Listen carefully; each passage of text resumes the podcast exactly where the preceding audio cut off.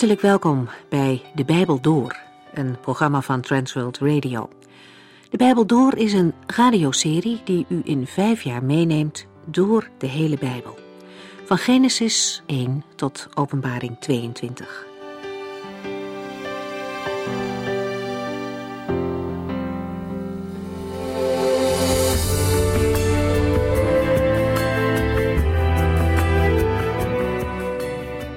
Vandaag gaat het over 1 Samuel 15.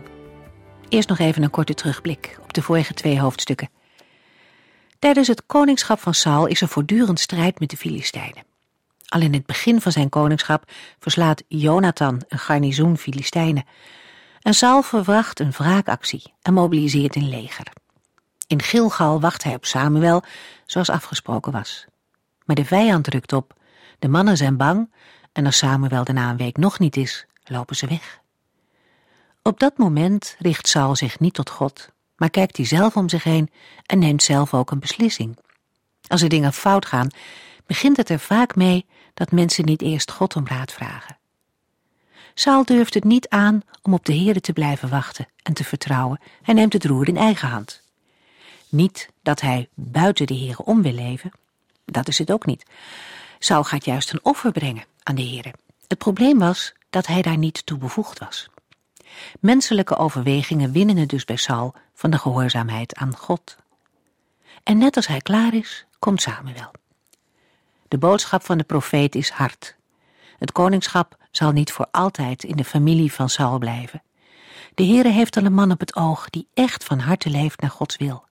Die zal op een dag koning worden. Hoofdstuk 15 laat het geloof van Jonathan zien.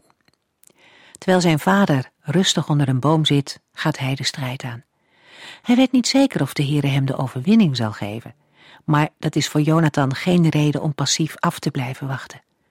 En wat een mooi voorbeeld geeft hij ons daarmee. Het is geen tijd om rustig achterover te zitten. Het is tijd om sterk te staan voor de zaak van God. Jonathan weet niet hoe het zal aflopen, maar één ding weet hij wel.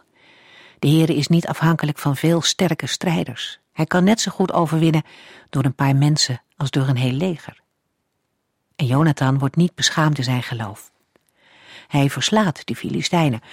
Helaas is de overwinning niet zo geweldig als had gekund, omdat Saul de mannen verboden had te eten, en daardoor zijn de strijders uitgeput.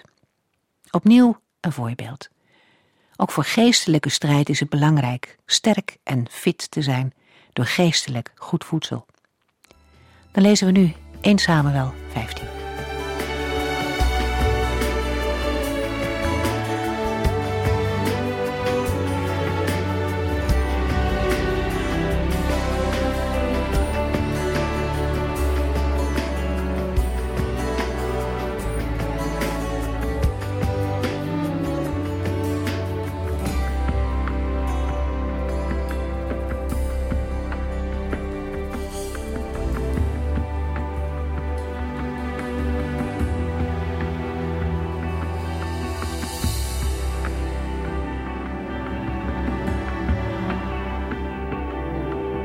In 1 Samuel 15 wordt de betrouwbaarheid van Saul opnieuw beproefd.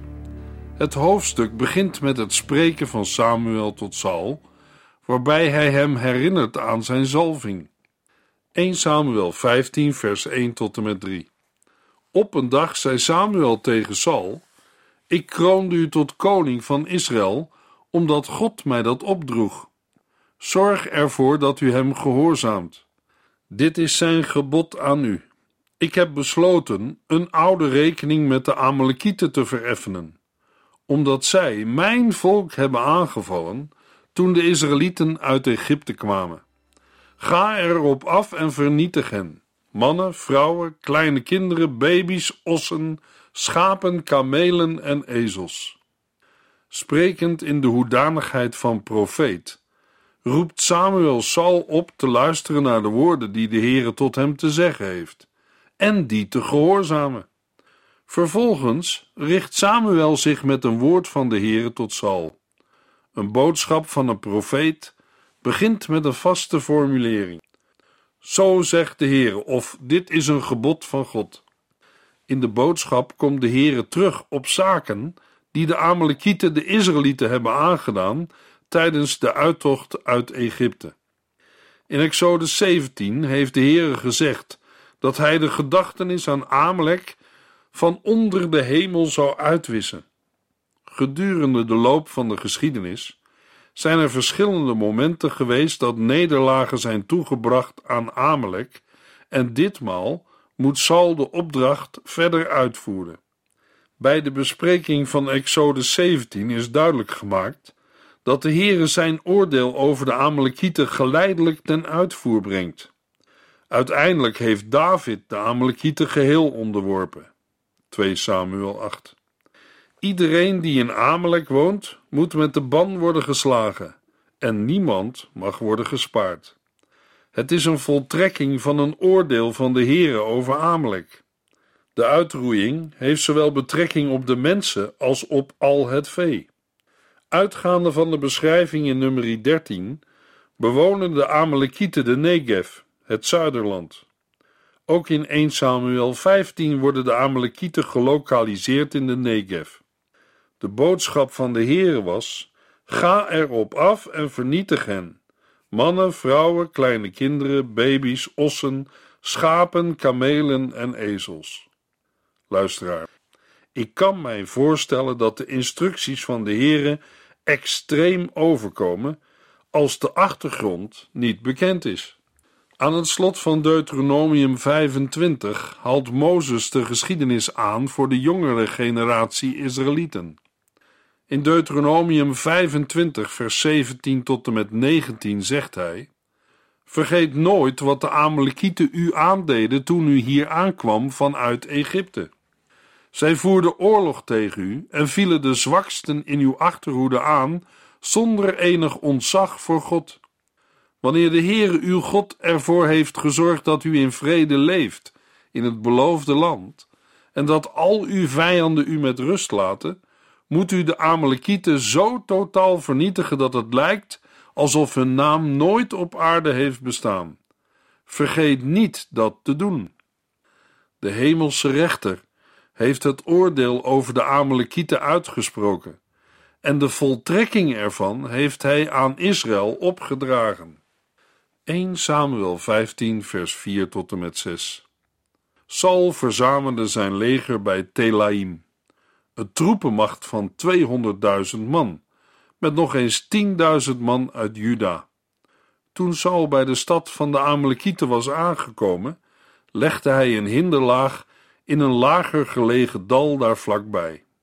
Saul stuurde een boodschap naar de Kenieten met de waarschuwing dat zij de Amalekieten moesten verlaten, als ze niet ook vernietigd wilden worden.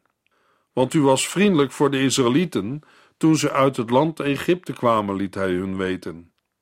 Daarom pakten de Kenieten hun bezittingen bij elkaar en verlieten het land van de Amalekieten. Nadat Saul de opdracht heeft gehoord, roept hij het volk op naar Telaim te gaan. Net als in 1 Samuel 11 zien we dat er een onderscheid wordt gemaakt tussen de troepen van Israël en Juda. Saul trekt op tegen de Amalekieten en legt een hinderlaag. Voordat de strijd losbarst, geeft Saul eerst de Kenieten gelegenheid om te ontkomen.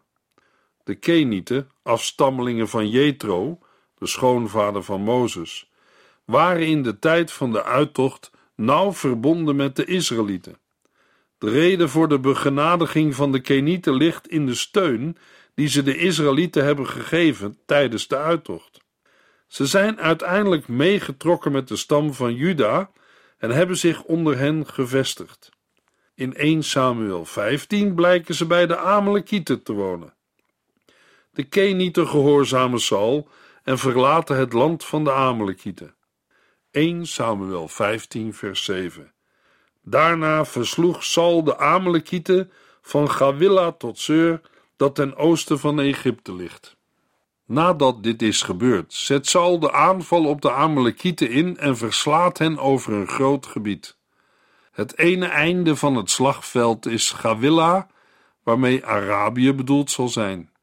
Het andere einde van het slagveld bevindt zich in Sur, een gebied bij de golf van Aqaba. Tot nu toe heeft Saul gedaan wat hem is opgedragen.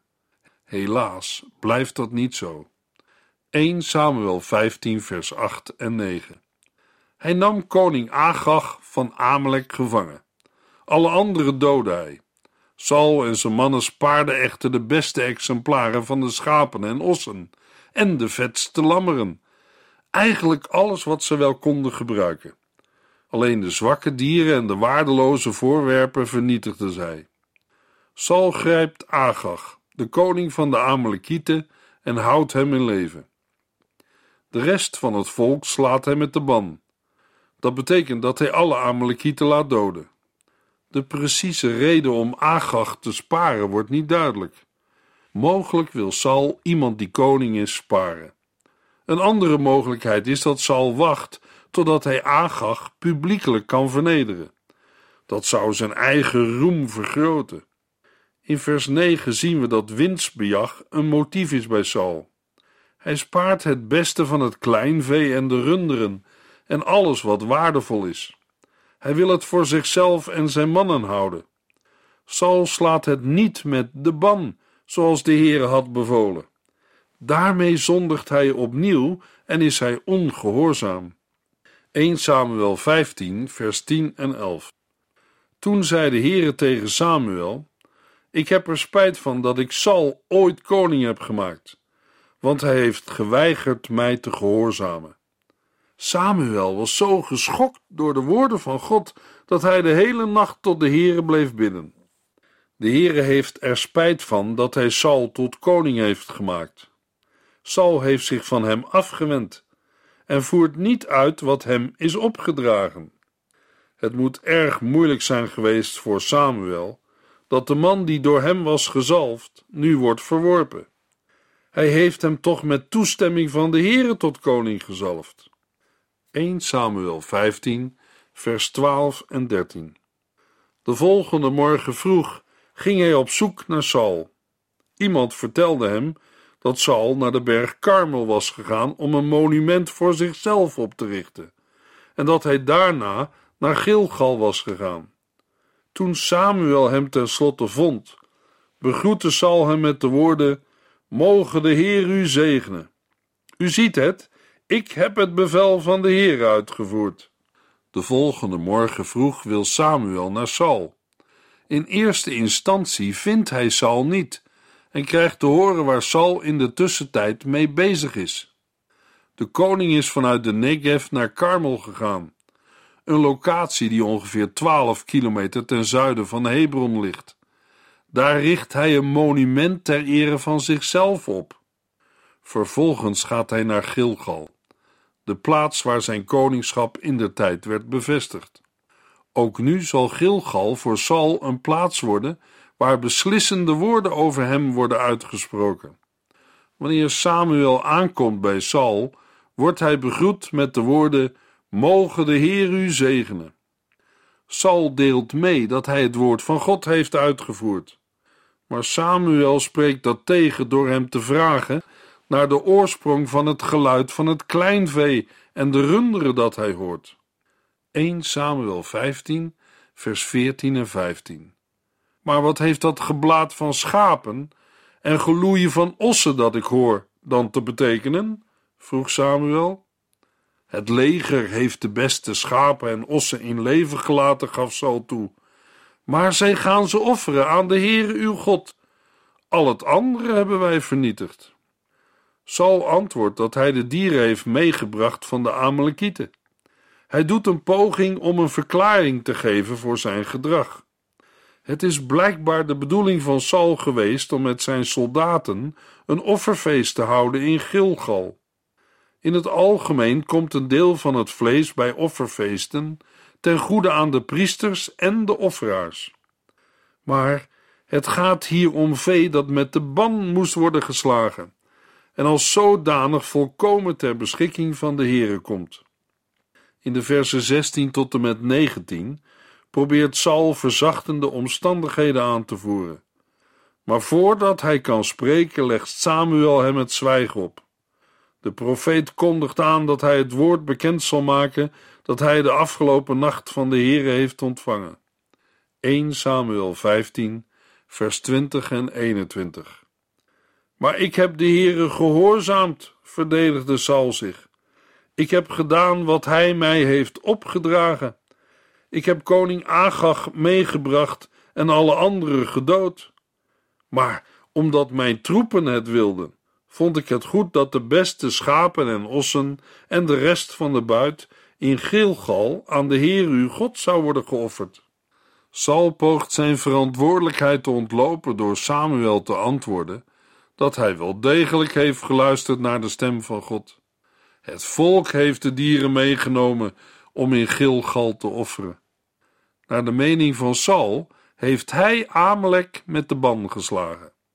Het meevoeren van Agag is, volgens Saul, een deel van zijn gehoorzaamheid aan het gebod van God. Een mens probeert van nature ongehoorzaamheid en fouten af te zwakken of anders voor te stellen. En als dat niet lukt, proberen we kwade zaken af te dekken met goede werken. Maar een mens hoeft voor de Heere geen mooi weer te spelen. Hij kent ons hart en weet wat er diep binnenin ons leeft. Saul probeert zijn ongehoorzaamheid op zijn manschappen af te schuiven. Maar in vers 9 hebben we gelezen dat het Saul en zijn mannen waren die het vee en alles wat ze konden gebruiken spaarden. En daarnaast, als koning, is Saul degene die verantwoordelijk is. 1 Samuel 15, vers 22 en 23. Samuel antwoordde echter: Heeft de Heere net zoveel genoegen in uw brandoffers en geschenken als in uw gehoorzaamheid? Gehoorzaamheid is hem veel meer waard dan offers. Hij heeft liever dat u naar hem luistert dan dat u hem het vet van de rammen offert want opstandigheid is net zo erg als toverij, en koppigheid is net zo erg als aanbidding van afgodsbeelden. Omdat u het woord van de Heer in de wind hebt geslagen, heeft hij het koningschap van u afgenomen. In de woorden die Samuel aan Saul moet doorgeven, is ongehoorzaamheid de kern van de zonde van Saul. Zaken waar de ban op ligt, behoren per definitie toe aan God en het is een mens niet toegestaan hieraan in tweede instantie een andere bestemming te geven, hoe verheven deze doelen ook zijn. De kern van het geloof van de Israëlieten is onvoorwaardelijke gehoorzaamheid aan de Here. Volkomen toewijding aan de Here overstijgt het belang van brand- en slachtoffers. Daarmee geeft Samuel aan dat offers uiterlijke tekenen zijn die verwijzen naar dieper liggende zaken. Luisteraar, ook voor ons is dat een belangrijke boodschap. De Heere zegt in Johannes 15, vers 14: Jullie zijn mijn vrienden als jullie doen wat ik zeg. Zijn wij gehoorzaam aan de Heere? Hoort u bij de vrienden van de Heer Jezus? Dat blijkt uit de dingen die u wel en niet doet. Jezus zei ook: Wie van mij houdt, zal altijd volgens mijn geboden leven. Johannes 14, vers 15. Een kind van God zijn betekent de Heere persoonlijk kennen. Dat is het, wat het christelijk geloof anders maakt dan andere godsdiensten op de wereld.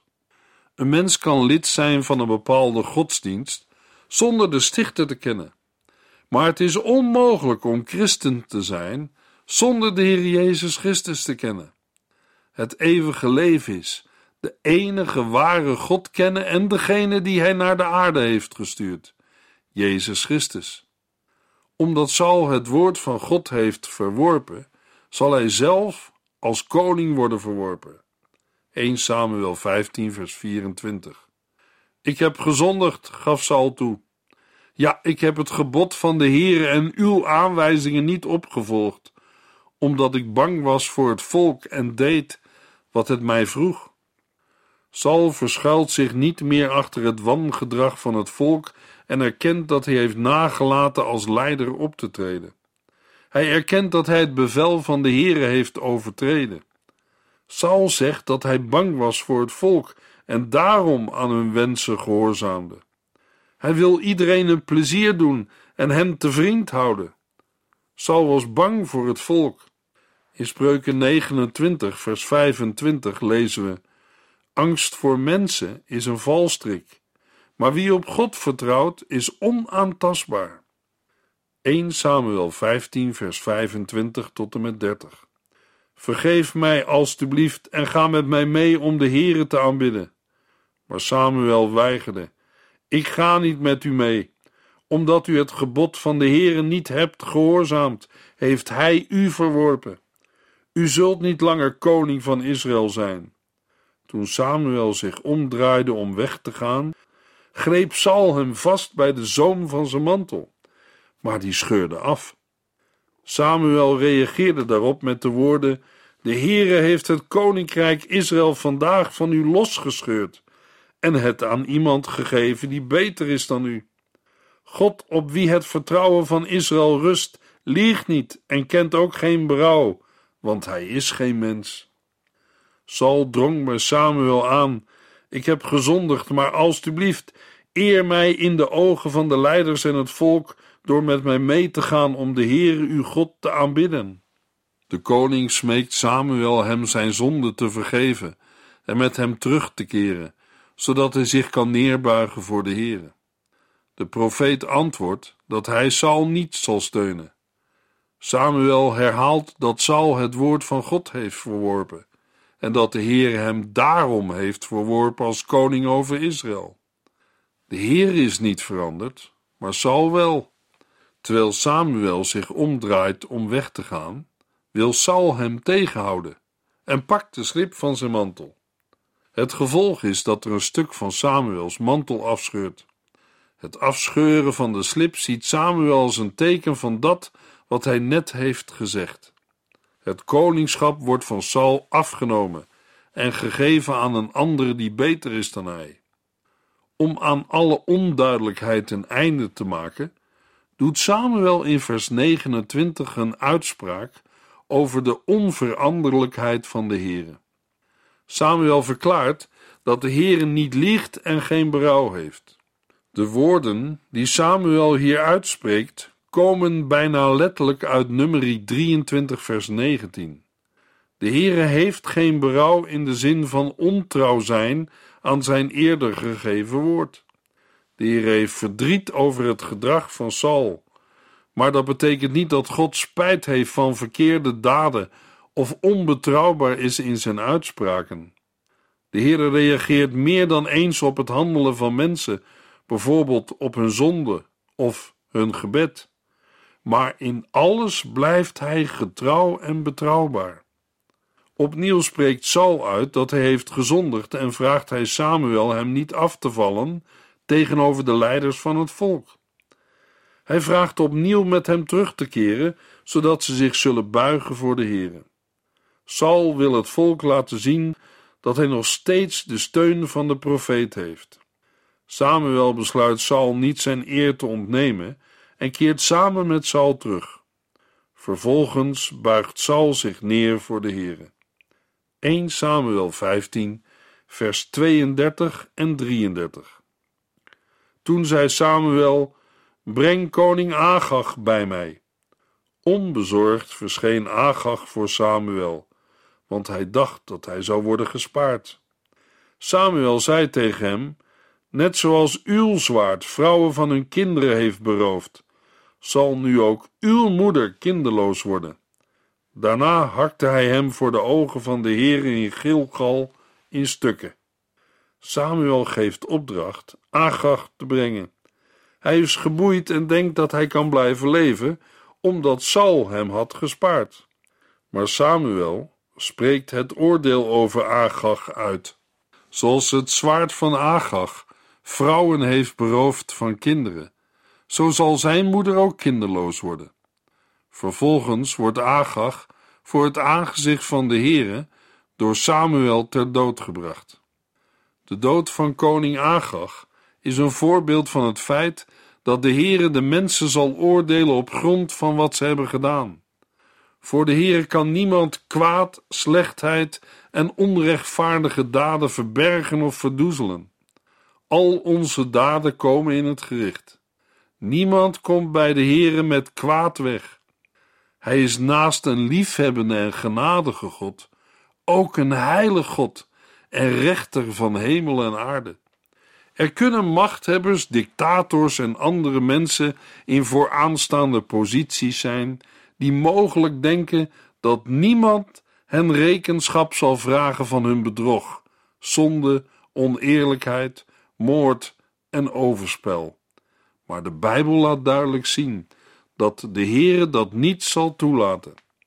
Het is daarom voor een mens van levensbelang om in Gods genadetijd zijn of haar zonde te beleiden en er vergeving voor te vragen.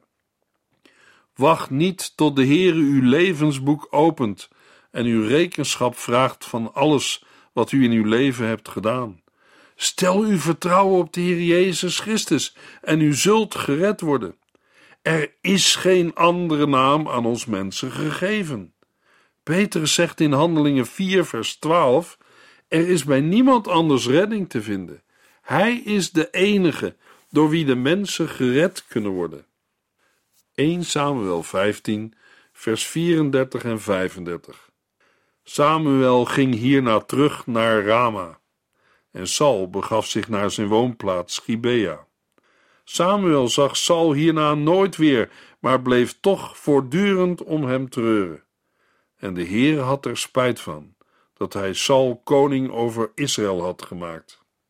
Na de dood van Agag gaat Samuel terug naar Rama, terwijl Saul optrekt naar zijn woning in Gibea. Vanaf dat tijdstip tot de dood van Samuel zien de twee mannen elkaar niet meer. Tot slot wordt opnieuw het berouw, het verdriet genoemd dat de Heere heeft over Saul. Er hebben zich dramatische zaken afgespeeld in 1 Samuel 15. Als onderkoning van de Heere was aan Saul de opdracht gegeven de aartsvijand van Israël te vernietigen. De hemelse rechter had dat bepaald, op grond van de misdaden van Amalek tegen Israël tijdens de tocht door de woestijn.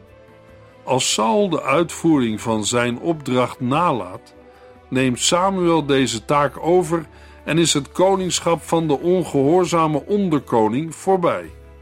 Hij heeft het recht niet laten zegevieren en wordt daarom verworpen. Een nieuwe wending in de geschiedenis is nu noodzakelijk. Hoe zal de Heer dat doen? We gaan het horen in de volgende uitzending. Dan lezen we 1 Samuel 16 en 17.